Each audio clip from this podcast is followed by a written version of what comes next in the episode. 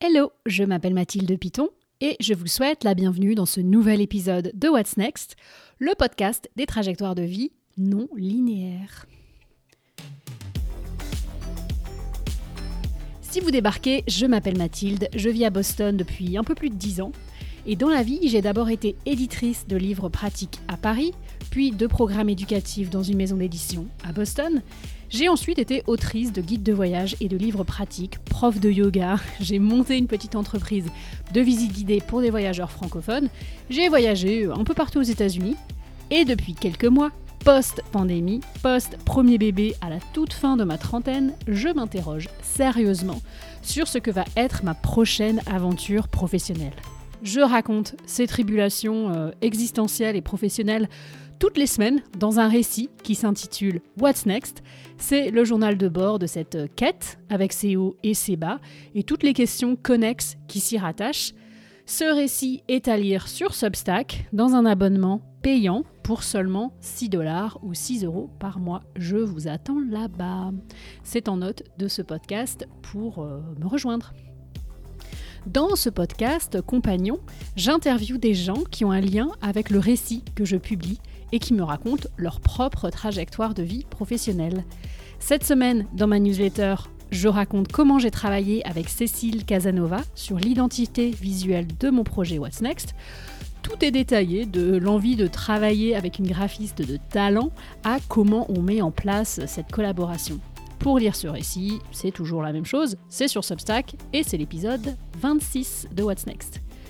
Alors dans cet épisode de podcast, il était logique que j'interviewe la principale intéressée, Cécile Casanova, qui a, vous le verrez, plus d'une corde à son arc. On va parler dans cette conversation de beaucoup de choses, de son métier, de comment elle est passée de salariée à freelance, de créativité, comment on la cultive, et puis, on va parler aussi de, petites choses comme de la compétition potentielle avec le logiciel en ligne Canva, du fait d'enseigner le design graphique euh, à des jeunes gens. C'est une conversation qui part un peu dans tous les sens, à l'image euh, du côté touche à tout de Cécile. Alors, laissez-vous porter, c'est parti. Je voulais euh, avant tout commencer par poser les choses, expliquer comment on se connaît. En 2015, mmh j'ai voulu lancer, mon entreprise de visite guidée Boston le nez en l'air et je voulais un logo, je voulais une identité visuelle et cette année, cette année-là, je voulais aussi, publier un guide sur Boston en auto-édition et tout ça, je ne pouvais pas le faire toute seule parce que la conception visuelle, c'est pas mon domaine. j'avais besoin de quelqu'un pour le faire. Alors j'ai cherché localement d'abord, j'avoue. J'ai cherché à Boston et puis je me suis dit que ce serait bien d'avoir quelqu'un qui lise le français. Et j'ai cherché sur Facebook à l'époque, j'ai demandé à mon dans mon Facebook personnel: «Est-ce que quelqu'un connaît une graphiste?» et une amie m'a parlé de toi Cécile, alors je t'ai contactée et puis ça a été le début de notre travail ensemble. On a donc tu as fait ce logo et l'identité visuelle de Boston le nez en l'air, tu as fait cet e-book sur Boston.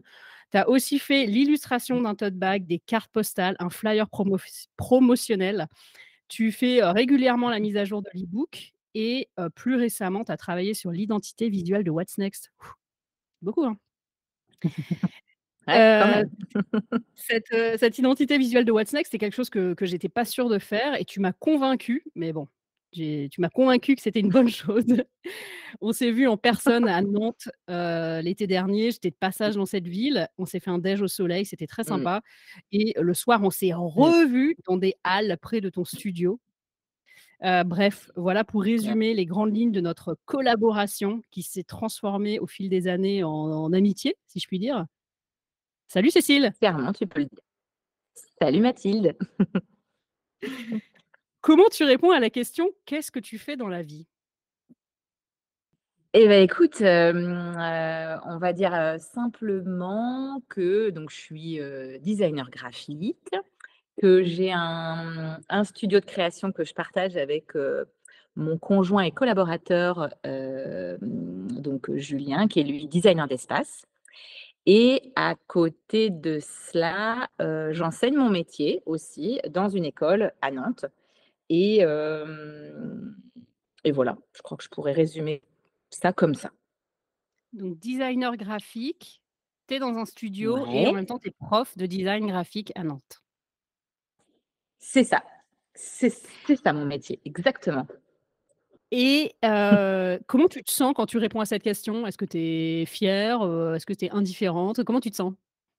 Je crois que j'ai appris avec le temps à essayer de de de de canaliser parce que je je suis quelqu'un qui, heu, qui est qui qui est attiré par, beaucoup, beaucoup de choses, qui aime faire, beaucoup, beaucoup de choses et du coup, à cette question-là, j'essaie de me recentrer et de vraiment essayer d'expliquer clairement, ce que je fais en tout cas, les 80 heu, de de de temps de ma journée.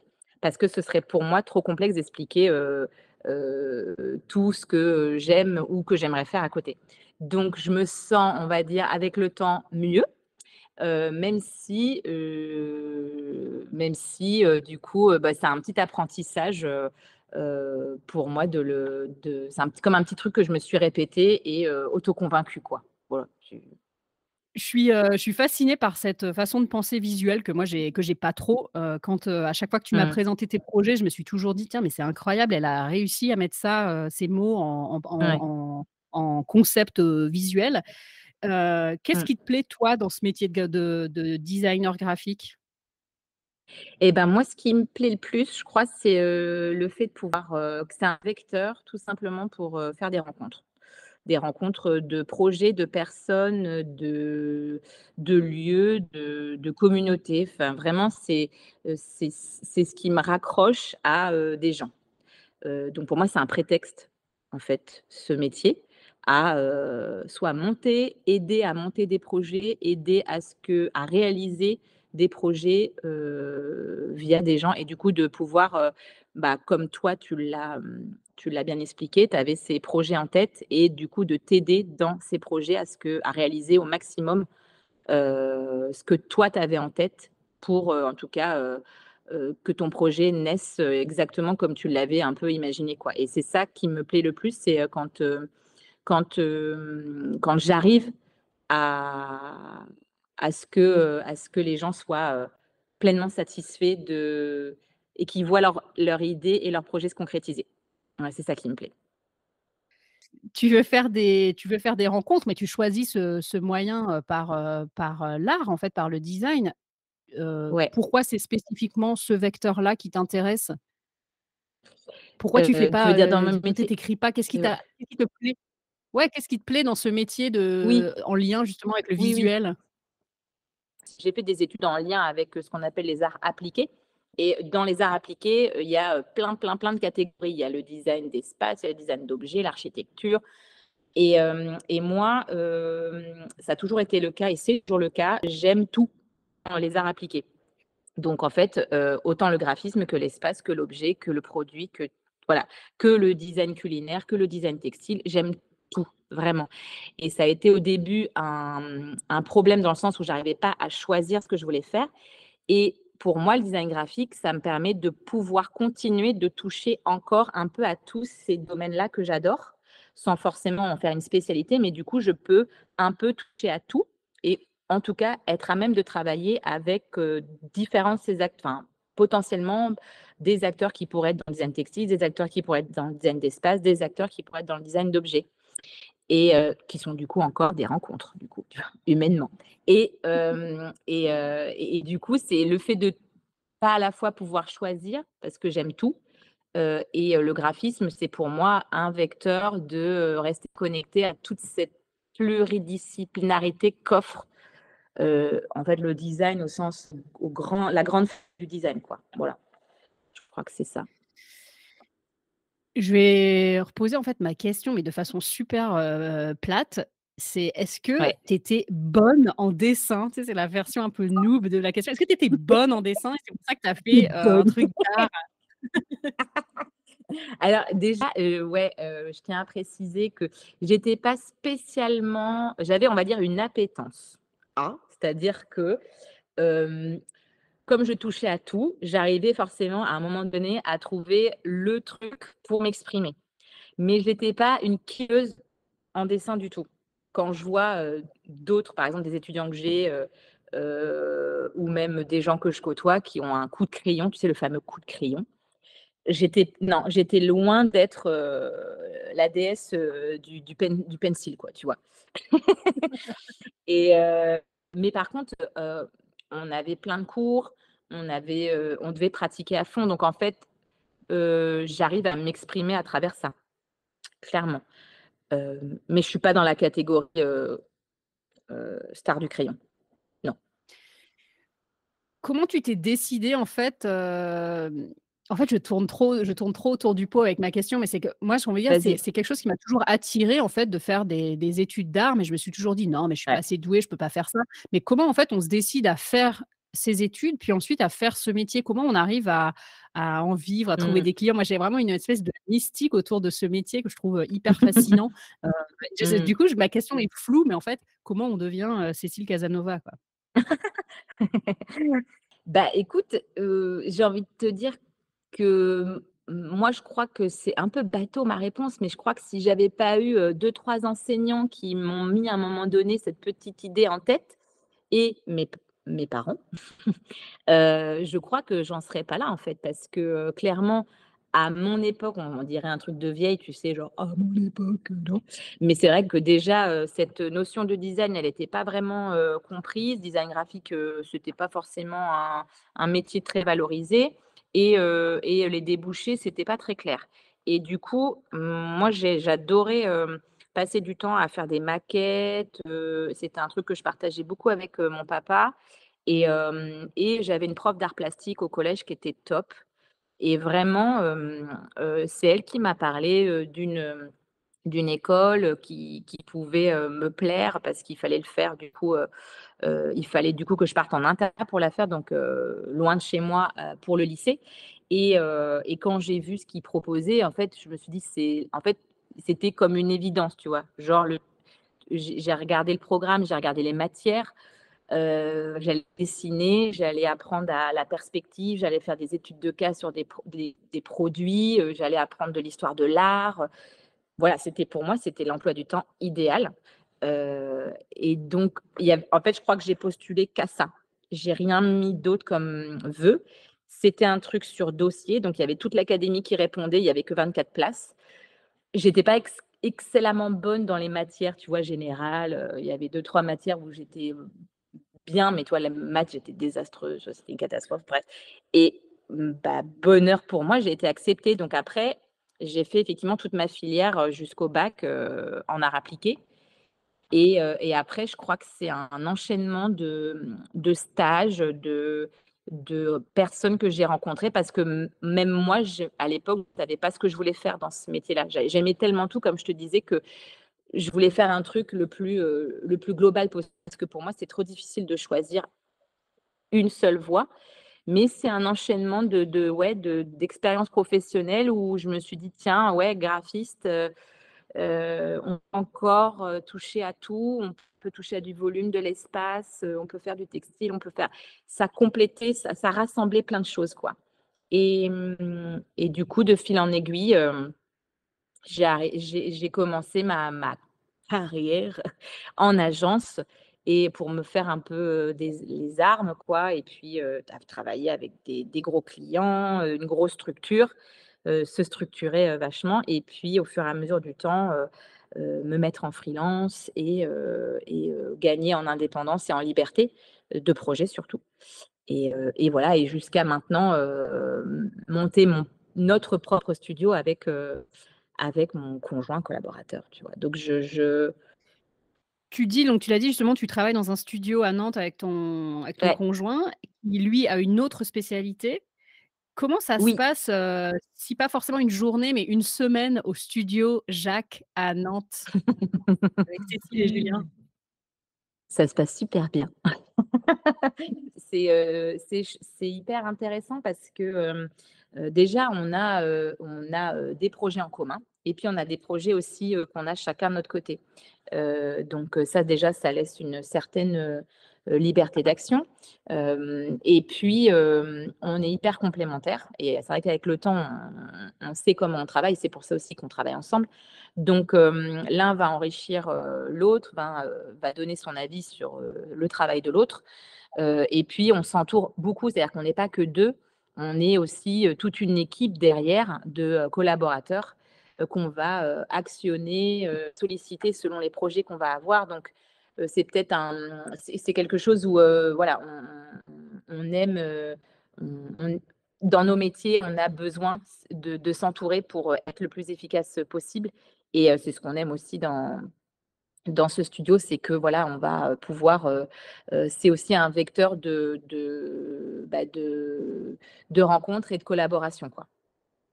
Mais est-ce que tu peux me dire concrètement si c'est par exemple, tu as un projet, ouais, ce que vous faites concrètement et pourquoi vous êtes complémentaires? Et rappelle-moi ce que lui, il mmh. fait déjà comme spécialité. Ouais. Ouais, alors lui, il est designer d'espace. donc, il va pouvoir, par exemple, travailler sur des projets d'aménagement d'une boutique, d'aménagement d'un bureau, deux bureaux, ou même typiquement d'un restaurant. En fait, on lui donne un cahier des charges, on donne un budget. lui, il va être en collaboration avec des architectes et des et des prestataires type le peintre, le, plombier. Il va coordonner les, travaux et s'occuper de proposer un aménagement qui, des fois, peut être il peut aller prendre des choses sur catalogue, comme il peut tout à fait dessiner du mobilier sur mesure. Et là où on est, on va dire, là où on est complémentaire, c'est que bah, des fois, on a des personnes qui veulent une identité graphique et également repenser un lieu. Donc, en fait, nous, on va pouvoir proposer les deux en même temps. Et, et, moi, comme j'ai une appétence pour l'espace, le produit, un peu tout, tout, tout, et la couleur, et eh ben, on va pouvoir tous les deux proposer quelque chose de cohérent. si le client il veut pas une identité, il veut juste qu'on lui décline son espace en fonction, il a déjà son identité, il a déjà sa marque. Moi, je suis en capacité de faire une cohérence entre ce qu'il a déjà et l'espace, et du, coup de respecter ses codes et, et, ses valeurs. Et une semaine au studio de Jacques, et eh ben, c'est une semaine où moi, je peux avoir un travail d'identité sur du logo, sur, voilà, sur repenser ou décliner une identité graphique avec des supports qu'on peut connaître comme la carte de visite, des flyers, des brochures. et puis, Julien, il peut avoir plein de, plans d'architecte à, à, passer ou à, concevoir et à proposer aux clients. Et puis, tout ça est rythmé d'interventions de, dans, dans, les, dans l'école où on enseigne, justement, parce que c'est des interventions qu'on mène quasiment, oui, au moins une fois par semaine. Quoi. Donc, du coup, on, a, on se croise des fois et, et, des fois, on se retrouve au, au studio. Donc, c'est assez vivant. Justement, tu dis que tu donnes des, cours à des étudiants dans une école d'art. Est-ce que ce, cliché un peu qu'on dit que quand on est prof, on apprend aussi, est-ce que toi, tu trouves que donner des cours, ça t'a appris aussi beaucoup sur ton métier? Oui, oui, oui, clairement, parce que euh, en fait, euh, on pense toujours qu'on euh, on a cette espèce de cliché de, alors, d'art que je précise, d'art appliqué qui serait quelque chose d'inné ou qui serait quelque chose qu'on a ou qu'on n'a pas. soit tu sais dessiner, soit tu sais pas dessiner. En fait, c'est pas vrai. Déjà, l'école où on enseigne nous, qui est une école de design, où on a vraiment un en fait, les étudiants, quand ils rentrent, ils apprennent en fait à dessiner. C'est-à-dire que ça s'apprend. Il y a une méthode et tu as une structure en fait. C'est pas quelque chose que tu reçois du du divin ou quoi que ce soit en fait. Euh, et du coup, j'aime aussi, c'est-à-dire reposer. Moi, ça m'a appris à me dire, mais attends, euh, ton processus euh, créatif, il a, en fait, il répond à des, à des, un enchaînement en fait. Il a, il y a un process créa. ça, c'est pareil, c'est pas en claquant des doigts que les idées viennent en fait. donc moi, ça m'a énormément aidé à regarder un peu comment comment décortiquer ça, l'expliquer, le structurer et le livrer en fait. Et ça m'a fait du coup beaucoup grandir aussi sur la manière dont je pouvais aussi livrer ça à mes clients.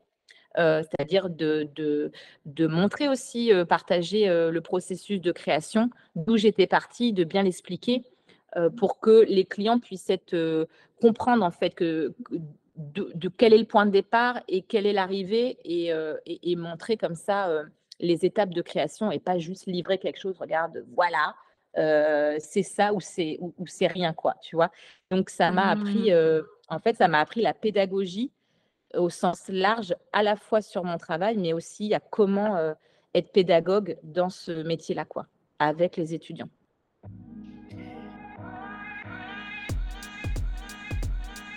Alors, c'est peut-être vraiment en amont amont de de tout projet, mais comment est-ce qu'on Ouais. cultive la créativité et est-ce que ça se cultive, en fait, d'être créatif? Oui. Oui, je pense que ça se cultive et en même temps, je pense que beaucoup de personnes, heu, se l'ignorent. C'est-à-dire qu'en fait, la créativité, c'est quelque chose qui est, heu, dans beaucoup de personnes, mais que beaucoup de personnes, heu, pensent ne pas l'être, tu vois? Heu et et et qu'effectivement, il suffit pas, heu, d'avoir fait une école d'art, heu, pour, pour, pour, être créatif, en fait, tu vois? C'est quelque chose qui peut déjà se traduire déjà, bah, toi-même, Mathilde, tu tu tu écris, il me semble et rien que par, voilà, par le fait de d'écrire, tu es, quelqu'un de créative, en fait, tu vois? Oui, oui, enfin, ouais, j'entends que la créativité, ça s'incarne dans plein de de domaines, mais comment ouais. Comment on garde cette flamme de de se nourrir, en fait, de choses qui vont ensuite nourrir notre créativité? Comment tu fais, toi, par Mmh. exemple? Hem, comment je fais moi? Hem, j'ai pas de recette magique, figure-toi, heu, parce que ça évolue beaucoup en fonction des projets que je peux avoir, heu, parce que chaque projet est différent, chaque, heu, chaque, heu, problématique de, heu, d'identité est différente et donc on je suis obligée par contre, il y a un truc si qui est hyper important, c'est ça ça va peut-être paraître super bateau, mais c'est, de toujours cultiver une certaine curiosité. Parce qu'en fait, plus tu vas être curieux et et intéressé, plus quelque part tu vas toujours être, tu vas toujours un peu nourrir te nourrir et en même temps, heu, hem, peut-être te connecter à la créativité. Je ne sais pas comment expliquer, mais c'est essayer de toujours garder une ouverture, d'esprit, qui permet en fait, bah, voilà, de à la fois t'adapter à ton client, à la fois pouvoir, donner les bonnes réponses et en même temps, rester ouvert à, à certaines typologies de projets. Voilà, je je sais pas si Si, si, si, que c'est clair, quoi. Mais ouais, tu as pas oui, ouais, je suis je suis d'accord que tu dis: «Tu as pas de recette magique». Moi, j'ai l'impression que c'est un ouais. mélange, dans ton cas, de, heu heu, lire différentes choses, mais aussi aller à des expos, écouter des concerts, mais même aussi aller marcher dans la nature, quoi. Discuter avec des gens, mais carrément, c'est-à-dire que, Le, fait alors pour moi, voilà, le fait de de de faire du sport, heu, c'est, c'est, heu, ma base numéro une parce que je sais que si je me déconnecte pas à un moment donné, de tous mes interfaces, j'ai aucun aucun recul. Donc, voilà, ma base numéro une, c'est effectivement, cet échappatoire, le fait de soit d'aller marcher, courir, 1 heure et demie de yoga, ce que tu veux, mais si j'ai pas cette pratique-là, je tiens pas la route, quoi. Heu, après voilà, heu, j'ai heu, faire de la cuisine, je lire effectivement, écouter plein de podcasts, lire aussi des récits, d'autres entrepreneurs. Enfin, tout ça, ça vient nourrir un espèce de quotidien, qui voilà, alimente les réflexions et permet des fois de faire évoluer certaines, certaines pratiques et donc oui, tout ça, ça mais j'ai l'impression que tout le monde fait enfin, pas tout le monde fait un peu ça, mais tu vois, ça fait partie d'un quotidien, classique, quoi. Je je voilà, pour moi, il y a pas la recette magique, quoi, pour moi, mais Je heu, je sais pas si tout le monde fait ça, mais je sais pas si tout le monde fait ça, mais je tout le monde fait essaye de oui, de cultiver une certaine curiosité, mais je sais pas si ça mène ouais, forcément à de la créativité, quoi. ouais, ouais, ouais, ouais, après, Tout comme tu vois, un voyage, va, vachement, nourrir aussi une créativité. Donc ça peut être une multitude de choses. Après, chez moi, il y a pas de recette magique parce que chaque effectivement, un événement, effectivement, peut-être aller un voyage, d'une semaine, même à Londres, va nourrir à un moment donné ma créativité consciente ou inconsciente, mais ça va faire partie de de de moi et donc à un moment donné, je je sais pas par quel moyen le retraduire, quoi. Voilà. Mais du coup, je peux pas dire que c'est forcément ça qui va m'amener plus de créativité. Je voulais reparler du travail, en tant que tel, enfin de la de la modalité de de travail. Donc Mmh. tu as d'abord Mmh. travaillé en agence et puis Ouais, ensuite tu es devenue freelance. Pourquoi est-ce que tu as oui, passé ce pourquoi as passé ce cap? Est-ce que c'était important ouais. d'être, en indépendante? Ouais, au bout d'un moment, en fait, en agence, c'est vrai que, bah, tu tu réponds à à à des clients que tu choisis pas forcément. Heu, donc heu, quand tu commences, c'est sûr que tu as besoin de toute façon de te de te former, de voir un peu comment ça se passe, heu, effectivement, comme on dit, dans les grandes agences. Donc du coup, c'est très, très formateur. Tu apprends à vraiment te structurer et au bout d'un moment, bah, c'est sûr que tu tu es plus forcément en phase avec, les valeurs que va, véhiculer tel ou tel projet, en fait. Donc moi, au bout d'un moment, déjà, en fait, c'est mon corps qui a parlé en premier, c'est-à-dire que j'avais un rythme de travail qui était vraiment beaucoup trop intense par rapport à ce que mon corps pouvait endurer et ça a été les premiers signes, c'est-à-dire que j'ai commencé à pas être bien du tout, physiquement avec des des maux de dos et des des maux, voilà, vraiment le corps qui parle, que je l'ai laissé un peu de côté, sauf que ça s'est vraiment ça a vraiment empiré. Donc en fait, j'ai clairement fait un burn-out, dans mes dernières années de salariat parce que le rythme était trop intense, qu'on appelle les charrettes pour le le commun des, heu, des, heu, graphistes ou designers, c'est-à-dire de finir à quatre heures du matin, heu, certaines présentations pour enchaîner le lendemain à neuf heures, pour avoir des semaines où en fait, tu rentres chez toi et tu et tu ressors, il fait tout le temps nuit, quoi. Heu, au bout d'un moment, forcément, ton corps, il peut plus l'endurer, quoi et mmh et même ta créativité, tu finis par toujours faire un peu la même chose, quoi. Donc quand mon corps a dit stop, bah, j'ai me suis mis à l'évidence de dire stop aussi et heu, à cette époque-là, j'avais déjà des amis qui étaient partis en freelance, qui étaient en indépendant déjà depuis un ou 2 ans et qui avaient ce recul-là en disant: «Bah, attends, heu, là, heu, déjà le rythme, on choisit, nos horaires, on est libre de refuser ou d'accepter un client parce que le délai ou le projet nous convient, nous convient pas». Donc d'un coup, je découvrais qu'il y avait un choix possible, une alternative possible et que c'était pas que de la souffrance heu, au final. Heu, donc heu, à un moment donné, j'ai fait ce choix, je pense par survie plus, parce que de toute façon, je de toute façon, je démissionnais pour ma santé, donc c'était un échappatoire que de me mettre en freelance et de pouvoir me retrouver un peu plus, moi, en fait. Donc c'est là que ça a commencé. Tu dis qu'il y a une liberté de de de choisir, mais c'est pas toujours vrai parce que des fois, heu, tu tu oses pas dire non parce que tu dis: «Si je dis Mmh, non, je me ferme la porte», heu, mmh, ou mmh, justement on en a déjà discuté aussi le fait mmh, d'avoir du mal à poser des vrais jours de vacances parce que, ben, tu tu c'est difficile de dire: «Je suis injoignable», heu, je sais qu'on a toutes les c'est 2 un peu ce problème, quoi. Toi, tu clairement. cette liberté, Mmh. elle est pas elle est pas complète, quoi, d'une certaine façon? Non. Non et les déjà, alors les premières années de freelance, je te rejoins, c'est exactement ça. C'est-à-dire qu'on ne dit pas non parce qu'en fait, on a trop peur de, bah, de louper un projet, qu'après on nous rappelle pas. Donc on se dit: «Bah, toute fa» et puis de toute façon, freelance égale disponibilité dans la tête des gens et dans la tête des agents. C'est-à-dire que quand on t'appelle, c'est parce qu'un freelance, il est dispo, quoi qu'il en coûte. Donc en fait, il y a ce truc de Heu, bah, tu tu dis oui et puis, bah, après tu as cette, heu, tu cette, heu, contrepartie de dire: «Ouais, mais c'est pour moi que je le fais». C'est-à-dire qu'en fait, tu es ton propre patron. Donc tu acceptes parce que de toute façon, tu as aussi cette satisfaction de dire: «Ouais, mais c'est pour mon compte que je bosse». Au début, ça va. Effectivement, je te rejoins, tu as de plus en plus de mal à poser des jours en disant: «Bah, Là, si je pose telle semaine et que en fait, on m'appelle dans cette semaine, je fais quoi? Bon, bah, prends ton ordi pendant les vacances, comme ça, au cas où, ça rassure, tu vois? Sauf que tu finis par être dans un système où quelque part, tu bosses tout le temps.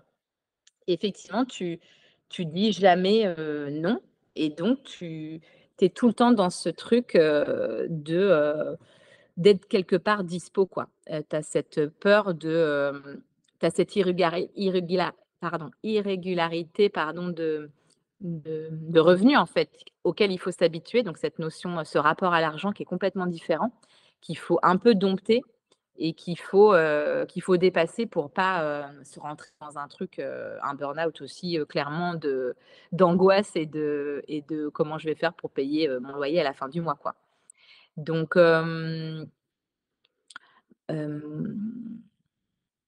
je pense que c'est, c'est un choix que je regrette pas, mais heu, tu apprends en fait au fur et à mesure du temps à, mmh, à, à t'apaiser sur certains sujets. Je ne sais pas si c'est très. Euh... Moi, de dire je vais peut-être moins gagner, mais je vais être mieux. Ouais, voilà, c'est ça exactement. Ou, oui, ou, disons, mettre mon énergie là où je pense qu'elle est importante, et puis, sur, et puis délaisser, délaisser peut-être au fur et à mesure certaines activités qui peut-être été déjà peut-être moins bien rémunérées, chronophages, moins alignées avec ce que tu fais, ce que tu as envie de faire, quoi. tu vois, donc des fois, dire non à certains projets parce que entre, tu sais que le rapport plaisir-argent va pas être au rendez-vous non plus, et donc au fur et à mesure, t'alléger, quoi. Et te concentrer un petit peu plus sur des projets qui peut-être vont être moins rémunérateurs, mais auxquels tu vas être bah, plus satisfait. Je voulais changer un peu de, sujet. Enfin, on est toujours dans le monde du graphisme. Mmh. Il y a un outil sur Internet, un outil de graphisme qui s'appelle Canva, qui existe depuis 2012, mais ça, a vraiment explosé dans ces dernières années. Est-ce que tu le vois comme une menace au travail de graphiste? Alors, ça ne remplacera jamais complètement un graphiste, mais mmh. Comment tu vois cet outil Canva par rapport à ton travail alors déjà, je ne sais pas s'il y aura des étudiants qui écouteront ton podcast, on ne sait jamais, mais ça, risque de les faire beaucoup rire parce que les étudiants que j'ai, notamment ceux en première année, on va dire que je tolère cette utilisation parce que effectivement, eux n'ont pas encore accès au logiciel, ils commencent l'apprentissage. Par contre, tous mes étudiants de deuxième et troisième année, je les pourris littéralement s'ils utilisent en leur disant qu'effectivement, eux, ils n'ont pas d'excuses parce qu'ils savent utiliser les logiciels. Donc, je ne le vois pas du tout comme une menace parce que, en fait, pour moi, alors, je trouve ça génial, en fait, de démocratiser certains accès à, à des, des, templates, à des, à des fonds, des illustrations. voilà, je trouve que dans un certain cadre, ça autonomise vachement certains postes et certaines personnes j'ai des clients qui vont, qui ont fait appel à moi. Et, et pour certains types d'outils, ils vont utiliser Canva. Et à la limite, moi, tu sais quoi Ça m'arrange parce que ce que ce qu'ils en font quelque part, j'aurais pas envie de le faire, tu vois? Donc en fait, mmh ça peut les autonomiser sur des choses et je trouve que c'est bien. Et quelque part, ça valorise quand même un peu plus quand même le travail de graphiste parce que de toute façon derrière Canva c'est que des graphistes hein. donc voilà qui font tout, tout ce travail là et je trouve que ça nous valorise aussi parce que quelque part, quand tu veux te démarquer, quand tu veux ben, monter ton entreprise ou monter ta marque, monter, ben, quelque part, si tu utilises tout, tout, un outil ou tout, des, tout, tout ce que offre Canva, tu vas quelque part te standardiser et ressembler à d'autres, quoi, tu vois? Donc, en fait, si tu fais appel à un graphiste, c'est que tu sais que tu veux une image singulière et créée sur mesure. Donc, pour moi, ça, pour moi, ça ne fait que valoriser notre travail. voilà, c'est comme ça que je le vois. Je le vois vraiment pas comme une menace. et, et, au contraire, je trouve que du coup, tu apprécies d'autant plus quand tu fais appel à un, ou une graphiste, quand tu vois que ton image, elle a été travaillée sur mesure et adaptée à ce que tu veux vraiment véhiculer. Et du coup, ça fait le tri tu vois, entre des clients qui vont aller peut-être sur Canva, et très bien, ça va les satisfaire, et des clients qui vont faire appel à toi. je, sais que s'ils font appel à toi, c'est que du coup, bah, ils ont derrière, ils, ont réfléchi, ils savent un peu ce qu'ils veulent, quoi. Je vais encore changer de, de domaine de question. Alors, ce podcast, il s'appelle What's Next? Ma newsletter, elle s'appelle What's Next? Et cette question, What's Next, c'est en fait toi qui me l'as posée. quelques jours après la, signature de la vente de mon entreprise Boston Le Nez en l'air, on, s'est appelé. Et moi, je n'avais pas vraiment pensé à l'après. Et puis toi, tu m'as dit, parce que je sais que tu es en train d'apprendre l'anglais, tu m'as dit, alors, What's Next? Tu pensais que j'allais répondre quoi, honnêtement? Je, me doutais que tu avais déjà un, projet en tête. Je, je, le savais, tu vois. Je me doutais bien qu'il y avait forcément quelque chose qui, mûrissait. Quoi? On ne sait pas. Mais comme c'est vrai qu'on commence à se connaître depuis un moment et qu'on a beaucoup échangé sur, heu, sur, des réflexions, d'entrepreneuriat, de projet et que tu es quelqu'un qui, est créatif dans ce sens-là parce que tu as souvent, des idées, sur, plein de sujets très différents. Je m'étais forcément dit qu'il allait avoir un un truc qui mijotait dans un coin. Et et et et effectivement, ça pour moi, ça a coulé de source, tu vois? D'où le what's next, heu, qu'on pourra re remarquer et relever au passage, heu, magnifiquement dit et et très naturel. J'avais j'avais j'avais rien qui mijotait à l'époque, hein. J'étais vraiment paumée. Je sais, Ma fille ma je fille, elle sais, avait même pas elle avait 6 mois. Ouais, je sais, mais même pas je crois que tu avais pas pas commencé ton travail avec la coach à ce moment-là? C'était pas à ce moment-là que tu non, non, non? non, j'allais la je OK. je je me disais que j'allais voir une coach, c'est vrai. Je me Ah! disais à l'époque que j'allais voir une vois?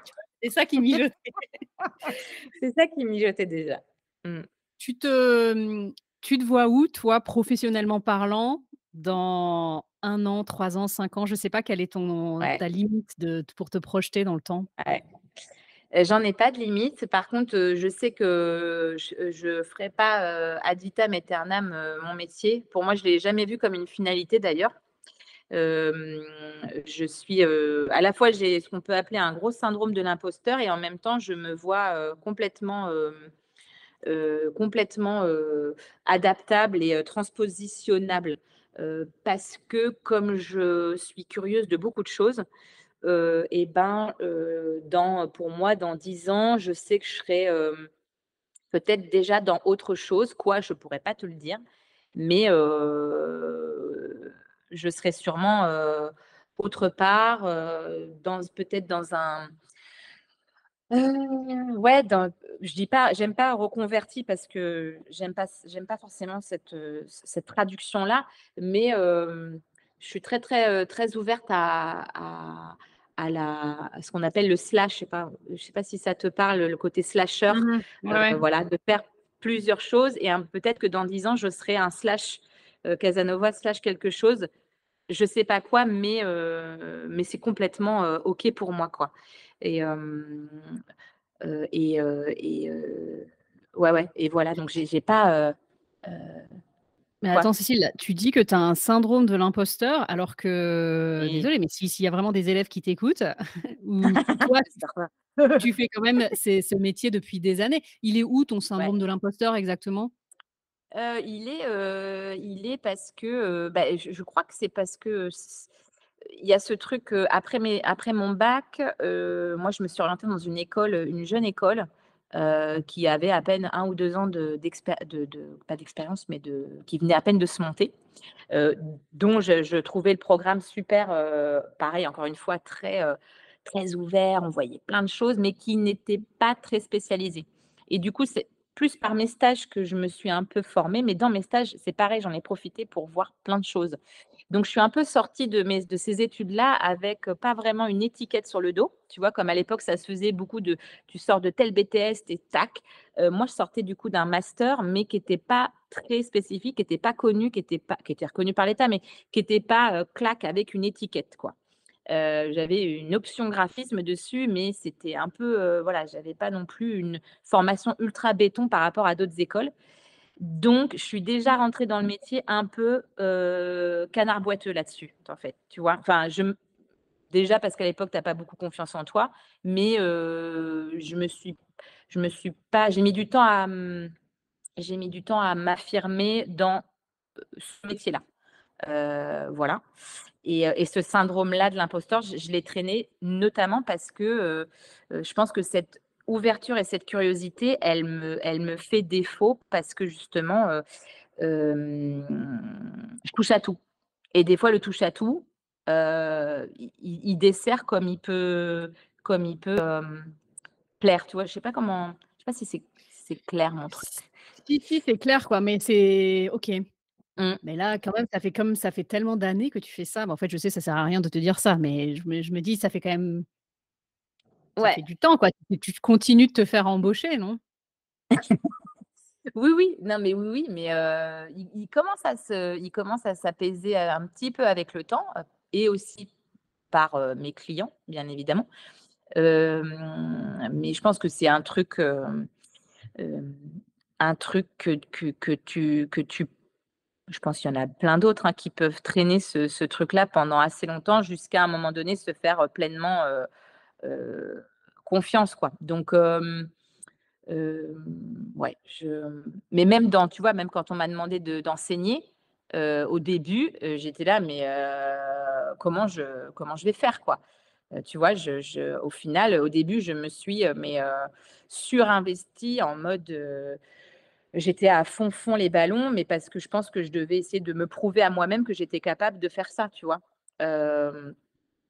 et ça m'a, enfin, ça m'a à la fois autant passionné que terrorisé parce que je, je, je comme j'avais déjà ce, truc de syndrome de l'imposteur, je me disais, mais comment l'imposteur va enseigner l'imposture? Je sais pas comment expliquer, tu vois, mais, mais maintenant, vu que j'ai de l'expérience dans l'enseignement, j'ai beaucoup moins de, de, de, crainte parce que j'ai vu que j'arrivais, tu vois, à faire ça.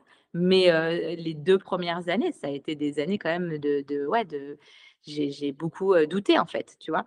Là, je peux en parler beaucoup plus sereinement, mais au début, j'étais pas. ça m'a beaucoup, ça m'a beaucoup travaillé que d'enseigner en fait. Donc,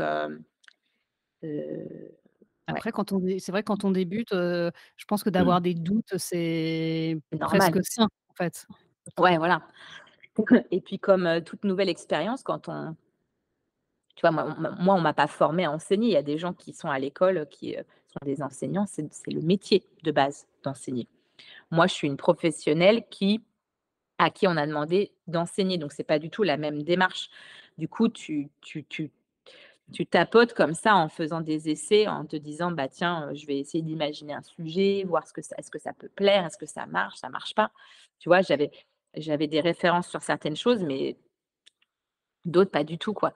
Donc donc du coup à la, à la fois c'est en fait c'est comme j'aime assez les challenges quelque part, je l'ai transformé en challenge de me dire, bah ouais, en fait, vas-y, en es, tu, tu, peux le faire, quoi. Et, mais voilà, en démarrant avec un peu la peur de justement de pas y arriver, ce qui, est, ce qui est sain aussi, tu vois. Mais tu l'as dit plein de fois, tu es hyper touche à tout. Je sais qu'en ce moment, tu fais des cours d'anglais pour réapprendre ouais, mieux. Je révise. Totalement. je, révise, voilà, je révise l'anglais, carrément. Est-ce que tu as des, d'autres formations ou d'autres cours en lien avec le graphisme ou pas dans les, dans les tuyaux? Bah, En fait, en, dans les tuyaux, en lien, alors, en lien avec le graphisme, normalement peut-être une formation liée à la sérigraphie cet été, donc qui est plutôt c'est une méthode d'impression traditionnelle, artisanale, que voilà, d'une petite formation sur trois jours. Tout comme l'an dernier, j'ai fait une formation pour apprendre à faire des moules en plâtre. voilà, donc rien, à voir, pour plutôt une pratique de céramique. donc en lien avec le graphisme, j'en ai pas, pas des matchs. Je préfère me nourrir de d'autres d'autres activités, d'autres ouais, d'autres comment on appelle ça hobbies. Mais je t'ai posé la question parce que je sais que j'ai l'impression quand on se parle que tu es toujours en train de faire une formation. C'est peut-être faux, mais j'ai cette idée que Cécile est toujours en train d'apprendre quelque chose. bah alors, figure-toi qu'en ce moment, c'est pas que j'apprends, c'est que tu vois, parce que j'adore, j'adore j'adore cuisiner, ça tu, tu le sais. Et, en fait, par le biais d'une newsletter, j'ai postulé à un petit, à des, à, un petit, des petits, comment ils appellent ça, une offre d'emploi, oui voilà, job, j'allais dire job dating, mais c'est pas vraiment le terme, où ils cherchaient des testeurs de recettes, des comment on appelle ça, une personne pour écrire un, édito sur la recette, parce que c'est un principe où tu reçois deux fois par semaine, tu reçois dans ta, boîte mail une recette hyper simple, facile, avec des thématiques différentes, quoi. Et, et ils cherchaient des gens pour dénicher des recettes, les tester et écrire dessus, quoi. Et, c'est vrai que l'écriture, ça fait peut-être aussi peut-être deux, trois ans que via mon métier de, graphiste, Je travaille avec des, des concepteurs-rédacteurs et heu et des gens qui établissent des stratégies et donc tout ce qui est wording, storytelling, ça me passionne de plus en plus et j'adore les mots et du coup, bah, je me des fois, je tente d'écrire deux-trois trucs, heu, même si je sais que ça va être repris, mais j'adore essayer de poser, mmh, des phrases, des mots, voilà et et du coup, via ce cette proposition de petites de de voilà, dénicheurs de recettes et même, heu, écrire l'édito, bah, j'ai répondu aux annonces et puis, bah, écoute, heu, figure-toi que du coup, j'écris des petits éditos sur des recettes de cuisine. Heu, alors c'est pas ultra régulier, mais c'est au moins 1 à 2 fois par mois et ça me passionne, tu vois? Je trouve une recette, je la propose et puis on me la valide ou pas et après j'ai un petit texte à écrire dessus pour donner envie de faire la recette et en fait, on me corrige, on me reprend sur des tournures de phrases et tout et je trouve ça passionnant. Voilà, donc je suis pas en formation, mais je fais, toujours un autre truc à côté, qui a pas forcément à voir avec mon métier. Voilà. Mais ça a l'air ça a l'air super et c'est je j'ai fait vachement quand j'étais chez Larousse, je faisais vachement ça, on appelait ça les chapeaux et j'étais j'adorais Oui, écrire des c'est ça. chapeaux de de recettes de ça. cuisine. Mais c'est où? Où est-ce que je peux les lire ça? Ah oui, alors je vais faire de la pub. Ça s'appelle, Belly. Si tu tapes, heu, que Belly, B-E-2-L-Y, Belly, heu, tiret média, il me semble, pour trouver le site. Donc c'est, c'est, via en fait, ils avaient créé au début, ça s'appelait Le Filtre, ça existe toujours Le Filtre, qui est une newsletter aussi que tu reçois avec des articles beaucoup plus larges avec, articles de société, articles, ouais, ouais, je connais. voilà, tu connais?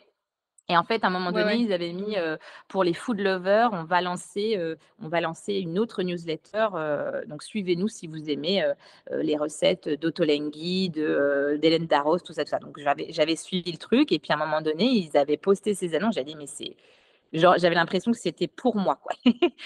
C'était vraiment le job de rêve, et du coup, donc en postulant, j'ai rencontré les les fondatrices, heu, de de de Belly et heu, qui sont, heu, qui sont d'ailleurs au passage, génialissimes et du coup, bah, voilà, je fais ça de temps en temps, ça m'amuse et et j'adore j'adore écrire en tout cas sur la bouffe, donc c'est pas pas des longs paragraphes, hein, tu vois? C'est trois heu, 300-300 à 400 signes, max, donc c'est vraiment très court, mais tu vois, tu dois trouver, des astuces pour, pas t'éterniser, mais en même temps trouver, le bon truc pour parler de ta recette, et et que les gens aient envie de de de faire, donc voilà et et tu reçois ça, heu, 2 fois par semaine et et voilà, ça m'amuse énormément. Ça me fait une belle bouffée d'air, quoi.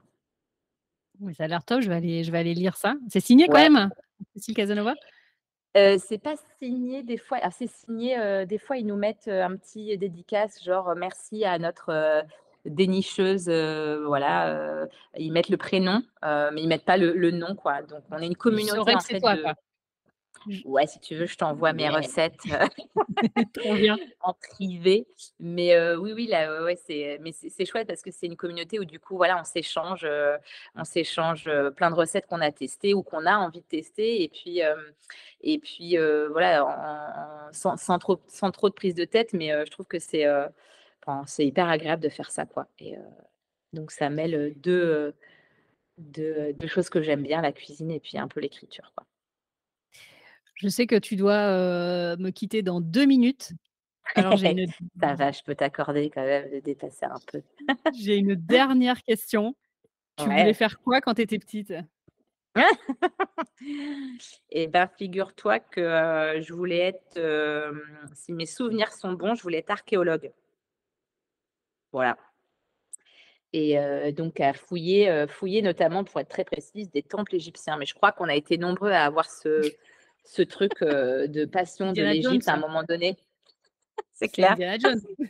Et bah, carrément, je pense que c'est ça. Donc voilà et du coup, bah, vois, rien à voir, quoi, en fait.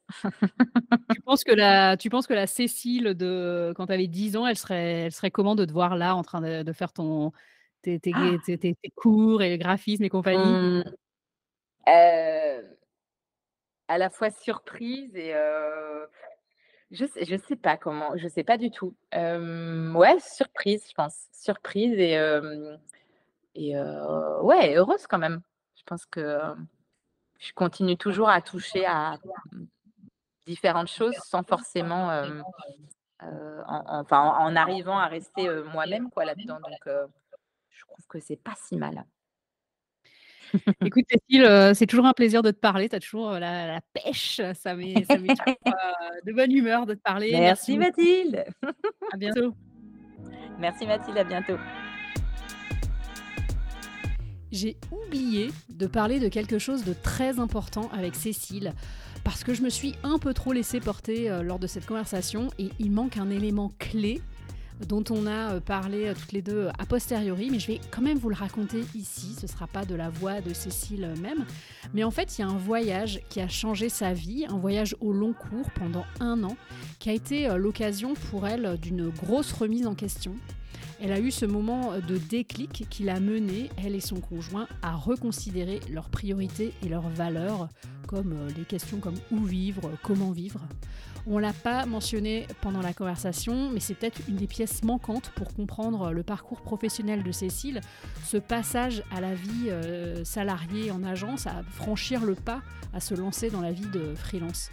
Elle m'a dit s'être laissé le temps de rien pendant ce voyage, le rien, une sorte de reboot, c'est aussi le mot qu'elle a employé, reboot du cerveau et de l'être humain, ce qui leur a fait un bien fou.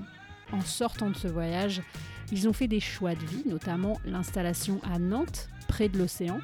Et en revenant de voyage, Cécile, elle a aussi fait un bilan de compétences et c'est là qu'elle a euh, mis en avant la possibilité d'enseigner. Pour boucler la boucle, elle me disait que vraiment la créativité, l'envie de faire autre chose, de faire différemment, ça vient vraiment de plein de sources. Ça me semblait important de le mentionner dans ce débrief de l'épisode. Je regrette de ne pas avoir euh, mieux fait mon job d'intervieweuse et qu'on en ait parlé euh, toutes les deux après en off. Mais je pense que parler de ça ici dans ce débrief, c'est important parce que What's Next, c'est vraiment euh, le sujet de What's Next, c'est vraiment le cheminement, le cheminement vers le changement. autrement dit, les choses qui prennent du temps à se mettre en place. Alors j'espère que cette conversation vous a plu et si c'est le cas, j'ai une petite chose à vous demander partager cet épisode avec quelqu'un qui pourrait être intéressé par cette carrière de design graphique ou quelqu'un qui songe à passer en freelance. Pour les abonnés à What's Next, je vous retrouve côté face ou côté pile, ça dépend comment on se place. Et je vous raconte donc cette semaine, dans cette semaine, je vous raconte donc cette semaine, pardon, ma nouvelle collaboration avec Cécile. Vous l'avez entendu, on a beaucoup travaillé ensemble au fil de, ces années. Rendez-vous sur Substack et puis euh, je vous dis euh, à dans deux semaines pour un nouvel épisode de podcast.